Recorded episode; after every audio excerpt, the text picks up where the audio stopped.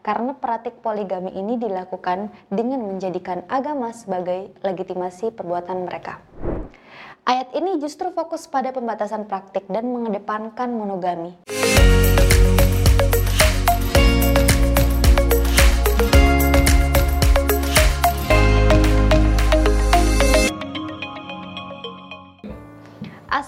Assalamualaikum warahmatullahi wabarakatuh. Kembali lagi di Bincang Muslimah bersama saya Zahratun Nafisah.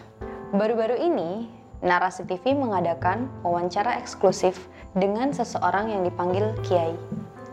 Beliau mengklaim dirinya sebagai mentor poligami dan membuka kelas berbayar. Kelas yang diadakannya ditujukan kepada peserta yang hendak melakukan praktik poligami, terutama perempuan. Dan ternyata program mentoring ini sudah dilakukan kurang lebih 2 tahun. Ternyata tidak sedikit peserta yang minat terhadap praktik poligami ini. Dan reaksi dari masyarakat atas hasil wawancara ini beragam.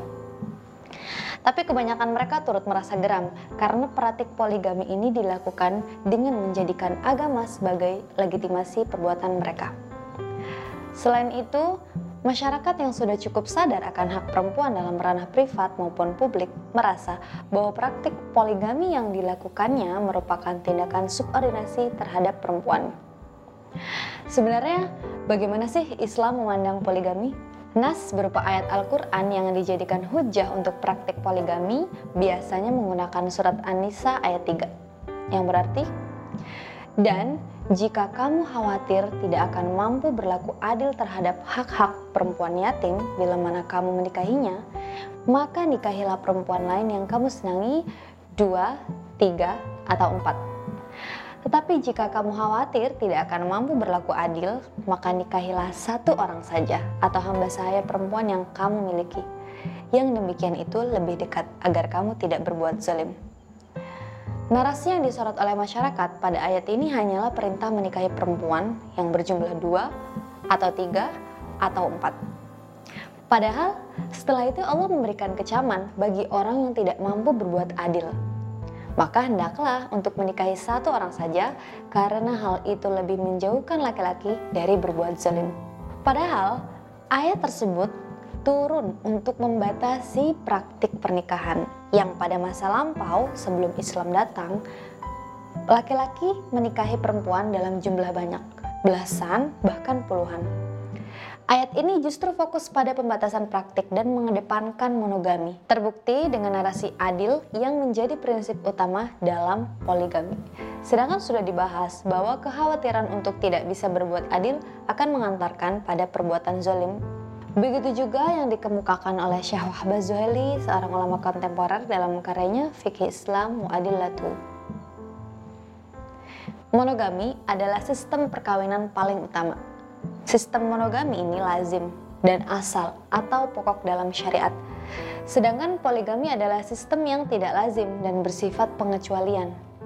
Sistem poligami menyalahi asal atau pokok dalam syariat Model poligami tidak bisa dijadikan tempat perlindungan atau solusi kecuali keperluan mendesak. Karenanya syariat Islam tidak mewajibkan bahkan tidak menganjurkan siapa pun untuk melakukan poligami. Syariat Islam hanya membolehkan praktik poligami dengan sebab-sebab umum dan sebab-sebab khusus. Loh, terus kenapa Nabi sendiri melakukan praktik poligami?